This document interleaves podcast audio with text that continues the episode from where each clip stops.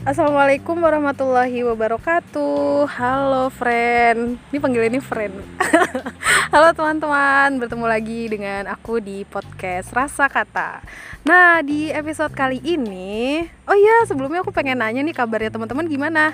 Apa kabar? Hmm, fisiknya apakah sehat? Uh, Semoga semuanya sehat ya. Terus kalau mentalnya lagi sehat gak nih kalau ditanya sehat mental kayaknya kita biasanya agak bingung gitu ya mikir sehat mental nggak ya kita? Oke nah sekarang di episode keempat ini aku kedatangan tamu pertama. Wih, tepuk tangan. Jadi ini adalah tamu pertamaku. Uh, ini akan masuk ke dalam sejarah Nadia Eka ya. Ini uh, beliau adalah seorang yang sudah berpengalaman di dunia mental health tuh. Beliau adalah udah deh biar orangnya itu aja kenalan sendiri deh. Ih, malu. Ih malu Allah malu coba. Ya beliau adalah orang yang sudah berkecimpung di dunia mental health uh, di Center of Public Mental Health-nya psikologi UGM terus habis itu uh, beliau juga sangat berprestasi dalam menjadi apa mbak tadi? Caregiver caregiver bagi uh, orang dengan apa gangguan mental gitu. Nah, jadi kita bisa ngobrol-ngobrol kali ini mungkin agak lebih panjang durasinya daripada episode-episode yang sebelumnya. Jadi stay tune ya teman-teman untuk mendengarkan ini. Halo Mbak Nurul. Halo Eka. Apa kabar Mbak Nurul? Apakah fisik dan mentalnya sehat? Insya Allah sehat. Alhamdulillah hari ini insya Allah sehat. Oke, okay. nah uh, ini nih Mbak Nurul. Jadi kenapa kita membahas tentang mental health? Soalnya tuh kalau aku sendiri tuh sering ya, misalnya uh, lagi di forum sih biasanya kalau aku nanya gimana kabarnya gitu kan alhamdulillah sehat tapi pas kalau fisiknya sehat gitu kan lebih gampang kan mbak ya kalau nggak pilek nggak pusing gitu tapi kalau pas ditanya kalau mentalnya sehat gak nih krik krik gitu langsung kayak pada mikir gitu loh mbak nah jadi sebenarnya sehat mental tuh gimana sih sebenarnya Oke, jadi kalau untuk di dunia biasanya kita pakai standar WHO ya uh, terkait sehat mental. Mereka ada empat kriteria. Yang pertama adalah kita tahu kemampuan kita.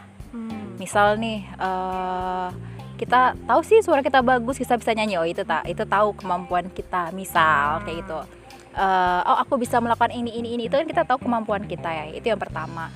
Uh, yang kedua kita itu bisa mengatasi stres sehari-hari. Misal eh tiba-tiba lagi kuliah online sinyalnya putus kayak gitu. Ya udah kita kalau kalau orang sehat mental dia bisa mengatasi stres semacam itu. Itu maksudnya stres sehari-hari itu ya. Uh, jadi jangan uh, menegatifkan kata stres karena ah, tanpa stres otak kita nggak berfungsi gitu loh. Jadi kita butuh stres itu sebenarnya. Uh, misal stres sehari-hari lagi oh kok laptopnya lemot nih. Itu juga kan itu stres sehari-hari sebenarnya. Gimana kita bisa mengatasi itu? Karena jangan salah hal yang menurut kita biasa aja bisa jadi sama uh, bagi orang lain itu hal yang luar biasa. Wah luar biasa dan sampai sampai kayak nggak bisa ngapa-ngapain gitu loh. Jadi kayak nge-freeze gitu sangat sangat mungkin sekali. Kita sepele tapi yes kayak bisa langsung panik langsung marah-marah gara-gara sinyal putus misal kayak gitu. iya sesak napas. Itu sangat mungkin sekali. Itu yang kedua. Yang ketiga adalah kita bisa produktif gitu. Jadi uh, itu salah satu parameter ya ini challenge-nya terutama ketika kita kayak lagi WFH kayak gini udah di, dilihat aja sih seberapa produktif kita. Produktifnya orang macam-macam ya. Jangan jangan hanya menilai produktif itu dari sesuatu yang menghasilkan uang misalnya hmm. kayak gitu. Ini juga sering terjadi di lansia sebenarnya. Kayak uh, orang kasihan nih kalau lansia uh, udah udah udah sepuh udah udah tua kok masih kerja. Eh nggak apa-apa itu tuh. Justru itu tuh bagian mereka biar sehat mental uh, uh, jadi bukan semata-mata nyari uangnya tapi gimana mereka bisa beraktivitas dan produktif. Kan kita berasa lebih meaningful nggak sih kalau misal kita tuh bisa produktif melakukan sesuatu itu yang ketiga produktif yang keempat yang terakhir adalah bisa berkontribusi ke masyarakat gitu loh. Jadi apa sih kita manfaatnya buat masyarakat? Jangan kita hanya hidup sendiri aja buat diri kita dari kita untuk kita oleh kita. Misal kayak gitu. Kayak pemilu. Iya bener. Jangan sampai kayak gitu gitu loh. Ternyata itu juga jadi parameter gitu loh bagaimana kita iya macam-macam ya terlibatnya. Mungkin nggak semua orang bisa terlibat langsung di kampung. Misal ada yang uh, kontribusi ke masyarakatnya bisa lewat sosial media tapi kan berkontribusi ke masyarakat juga sebenarnya kan ya misal kayak kayak kan nih bikin podcast ini juga Bede. bagian dari eh, serius ini bagian dari berkontribusi ke masyarakat loh amin, jadi amin. ilmunya nggak cuma di Eka aja nih ilmunya gitu sebenarnya itu parameternya sekali perhatiin kalau empat empat ini uh, udah terpenuhin ya insya Allah anda sehat, sehat mental. Hmm. Tapi kalau misal salah satunya, salah satunya ya agak nggak sehat misal kayak gitu. Oke oke oke. Gitu. Oke itu tadi kalau dari parameternya kan mbak. Soalnya mungkin beda kan antara fisik dengan mental tuh ngukurnya itu beda. Nah terus nih mbak kalau misalnya ada kan kita misalnya kita masih bisa produktif. Uh, mungkin ada beberapa dari situ yang uh, kita penuhi tapi misalnya kita tuh sering merasa sedih atau mungkin kita tuh moodnya tuh suka uh, naik turun gitu. Kadang kita tuh seneng ngobrol sama teman tapi kadang-kadang tuh kayak aku nggak mau ah uh, ngobrol sama orang aku lagi nggak mau ketemu orang. Nah itu tuh apakah terus wah berarti aku depresi nih. Wah berarti aku bipolar nih kalau uh, kadang aku seneng kadang aku sedih misalnya kayak gitu. Nah itu tuh udah termasuk sakit mental apa belum? Gitu. Situ manusia kan? Eh manusia kalau manusia nggak ada sedih nggak ada nggak ada marah. Itu manusia apa enggak kucing. Iya penting makan Gara -gara kenyang bahagia aja gitu. Hmm. uh, sebenarnya kan itu emo itu bagi emosi manusia kan. Uh, yang tadi Eka sebut tadi itu emosi manusia dan ya itu bagian dari kita sebagai manusia. Dalam kadar yang tepat hmm. itu nggak masalah. Hmm. Sekarang ibaratnya bayangin nih garis lurus ya. Bayangin nih garis lurus kontinum. Kalian pernah uh, belajar gelombang transversal nggak pas fisika? Ya, bentuknya. Ini kan ada gelombang transversal oh, ada longitudinal. Iya, iya, ini iya, transversal. Iya. nah bayangin gelombang transversal itu. Ada garis kontinum lurus terus gelombangnya nih. Kalau misal kita habis ih mata kuliah ini nilainya udah keluar dapat hmm. A naik lah naik. itu. Terus ih kok bokek sih aku pekan ini? Ah. turun. Kayak gitu-gitu. Uh, atau mungkin dia habis seneng habis tadi ya habis uh, dapat nilai A terus dia normal lagi habis seneng uh, dia normal okay. lagi stabil. Eh terus uh, bokek nih turun kayak gitu. Jadi nggak masalah naik sama tur uh, atau turun. Tapi yang jelas di garis bayangin nih ada garis itu nanti ada batas atas dan batas bawah ah, gitu. Betul selagi naiknya masih di dalam ambang batas atas dan turunnya masih di dalam ambang batas bawah itu nggak masalah sebenarnya. Yang penting dia ada uh, kelentingan bisa balik normal bouncing back ya balik normal hmm. lagi gitu. Jadi abis abis senang. misal hmm, habis senang ya udah normal lagi abis itu. Sedih. Misalnya kita habis dapat IP uh, eh, IPK habis dapat nilai tadi misal mata kuliah uh, anamul analisis multivariat gitu. Kalau bagi orang yang paham gitu, wah, gitu.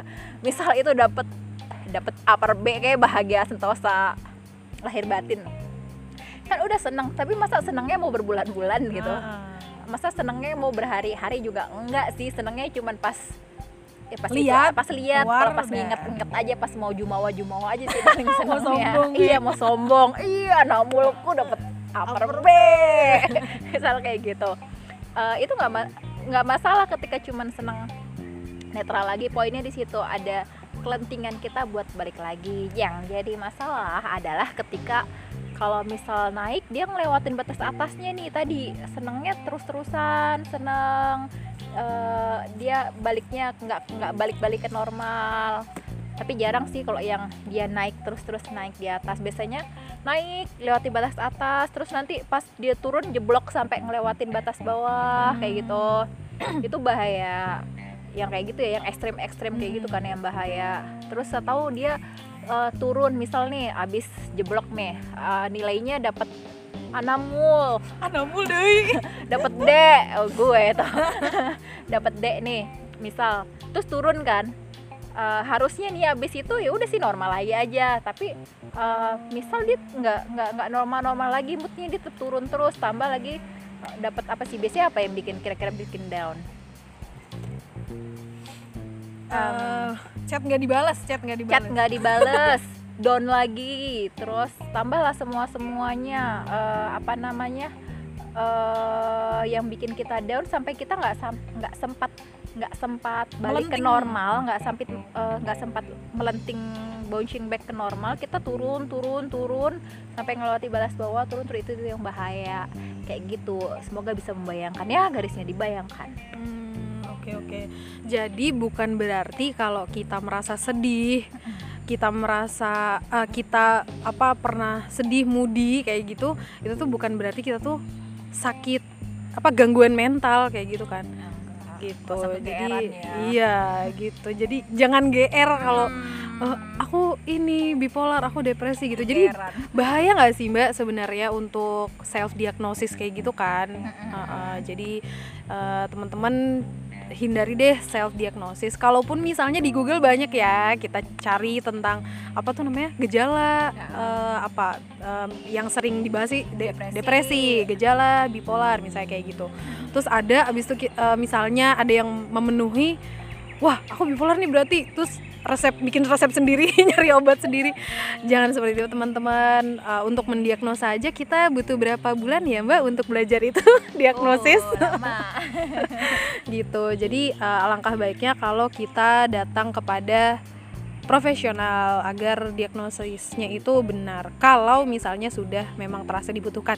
Nah problemnya adalah kapan sih harus ke profesional itu? Okay. uh kalau terkait tadi ya, misal sekarang kita bebas nih uh, browsing, googling terkait informasi-informasi mental health, sebenarnya itu nggak apa-apa. Dalam artian itu bikin kita aware gitu loh, hmm. kita aware untuk menilai kondisi kita sendiri. Tapi warningnya adalah itu bukan untuk mendiagnosis, nah. itu hanya untuk bikin kita, uh, self awareness kita jadi oke okay, jadi muncul gitu oh ternyata kayaknya aku ada masalah nih ini ini udah sampai situ aja nah kapan kita butuh uh, bantuan profesional adalah ketika itu sudah mengganggu kehidupan kita. Misal yang dia harusnya kuliah nih, dia berkali-kali bolos sampai ngelewati batas bolosnya dan sampai harus ngulang lagi. Ada loh yang kayak gitu atau yang kerja dia sampai nggak produktif kerjanya ngerusak. Terus ada atau kalau yang dia sampai khawatir keluar rumah sampai nggak mandi nggak semuanya pokoknya nggak ngelakuin karena dia udah mengganggu kehidupan kan ya, ya seperti itu. kehidupan nah, normal dia kehidupan sebelum... kehidupan normal. Nah ketika kita sudah merasa kehidupan kita fungsi uh, kehidupan normal kita terganggu nah itu berarti sudah uh, perlu datang ke profesional. Tapi kalau misal baru gejalanya doang tapi itu nggak mengganggu sebenarnya nggak perlu nggak usah segitu. Mesti nggak masih bisa self healing ya? Masih bisa self healing misal teman-teman dengan tidur yang cukup tidur yang teratur makan, makan yang sehat olahraga. Sebenarnya itu kalau saya makanya tadi kenapa di awal ketika saya ditanyain uh, sehat apakah hari ini sehat? Karena saya udah ngerasa nih kalau tanda-tanda kayak ini saya udah mulai agak nggak sehat. Saya udah agak-agak stres kayak itu sih serius saya pergi olahraga gitu loh. Saya ngatur jadwal tidur lagi saya perbaikin lagi dan itu ngaruh sebenarnya. Gitu. Tapi kalau tadi udah nggak sanggup nih e, mengatasi dengan tadi ya dengan menjaga pola hidup terus tetap terganggu kehidupannya ya itu sudah waktunya datang ke psikolog supaya dapat penanganan yang tepat. Nggak harus ke psikolog sih tergantung kebutuhan. Apakah itu ke psikiater apakah itu ke psikolog apakah itu ke dokter. Kadang bisa ke GP juga sebenarnya. GP general practitioner. Okay. dokter umum. Oh. maaf maaf maaf. Dokter umum. Iya maaf. Oke oke. Gitu. Jadi aku tuh aku tuh sering ngomong gitu mbak setelah aku denger uh, podcastku tuh aku sering ngomong gitu ternyata. Ini evaluasi sebenarnya. Nah jadi teman-teman kalau misalnya kita udah merasakan sesuatu yang apa kayaknya agak kurang beres nih uh, stresnya gitu. Misalnya stres udah menjadi distress gitu. Nah itu apa-apa yang misalnya kita dapatkan informasi di internet itu tuh sebagai self awareness kita. Kalau misalnya kita masih bisa self healing dengan uh, ya meditasi gitu. Kalau yang muslim bisa zikir, sholat. Terus kita juga perlu olahraga, makan makanan yang bergizi dan teratur, tidur yang cukup. Itu sebenarnya kan berpengaruh ya Mbak. Soalnya kan yang hormon-hormon menjadi seimbang. Betul. Lapar senggol bacok lapar rese kurang tidur cranky gitu kan. Ya jadinya uh, ya mengatur kembali apa ya pola hidup sih sebenarnya gitu. Nah uh, apa nih terakhir uh, sebelum kita kesimpulan pesan Benurul buat uh, teman-teman uh, biar menjaga mental health selama kita masih masa pandemi kan atau sebutnya new normal nih Nah, ini gimana kan? Soalnya aku sering kayak merasa, oh, aku kesepian, aku ekstrovert parah gitu. Itu itu gimana?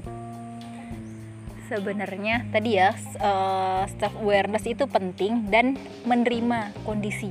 Menerima. Nah, jadi ada istilahnya orang dengan ODMK, orang dengan masalah kejiwaan.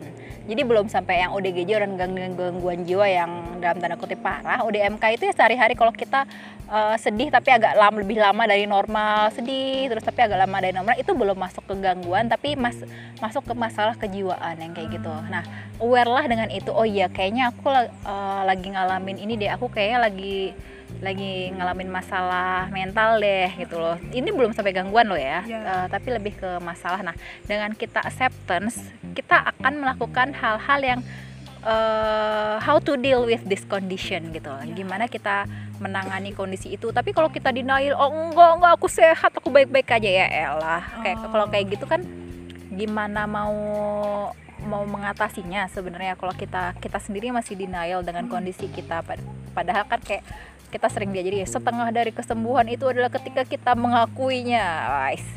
Jadi ada willingness dan readiness gitu yeah, yeah, yeah, sebenarnya kuncinya di situ. Nah makanya ketika apalagi lagi pandemi gini peka-pekalah terhadap kondisi. Hmm. uh, itu Peka. warning signsnya kan bisa macam-macam kan ya. Misalnya saya uh, ngerasa kalau mulai stres tuh misal tiba-tiba kok tidurnya pola tidur keganggu. Eh jerawat jadi banyak banget. Itu kan bentuk stres orang macam-macam kan? Hmm. mengenali warning signs diri sendiri. sendiri uh, yang yang kondisinya nggak uh, belum tapi jerawatnya orang lain belum tentu itu uh, tanda tanda stres iya, kan? tanda rindu iya ya. benar atau kebanyakan makan telur. Ah.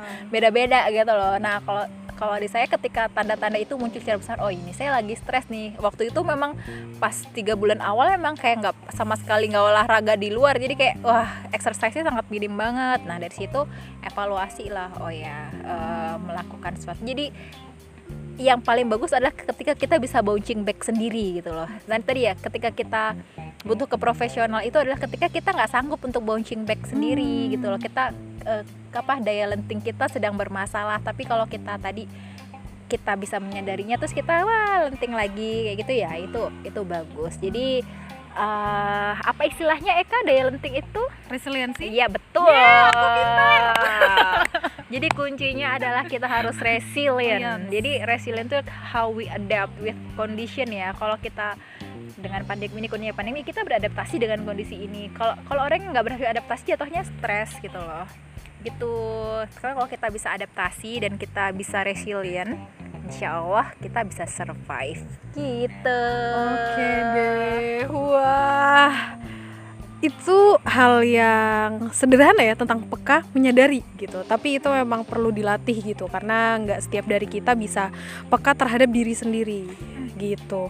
Kalau misalnya aku sih sering uh, gini mbak jangan cemas gara-gara cemas. Nah iya. Ya kan? Itu udah nggak jelas sumbernya cemas gara-gara cemas betul. itu kan. uh, uh, soalnya aku bahkan pernah mengalami itu. Jadi aku cemas terus ih kenapa sih kok aku cemas? Jangan jangan sampai aku cemas. Lah itu malah jadi double combo gitu mbak. jatuhnya ke panik gitu udah nggak karena udah iya. gak jelas stimulusnya iya gitu. betul gitu jadi kalau misalnya uh, kita nih sekarang kan mungkin banyak ya stimulusnya kita kesepian lah but, uh, pengen ketemu temen lah atau apa uh, di masa masa seperti ini uh, pesan dari Mbak Nurul bagi teman-teman semua dan bagi kita semua adalah aware dengan satu diri. cari support system oke.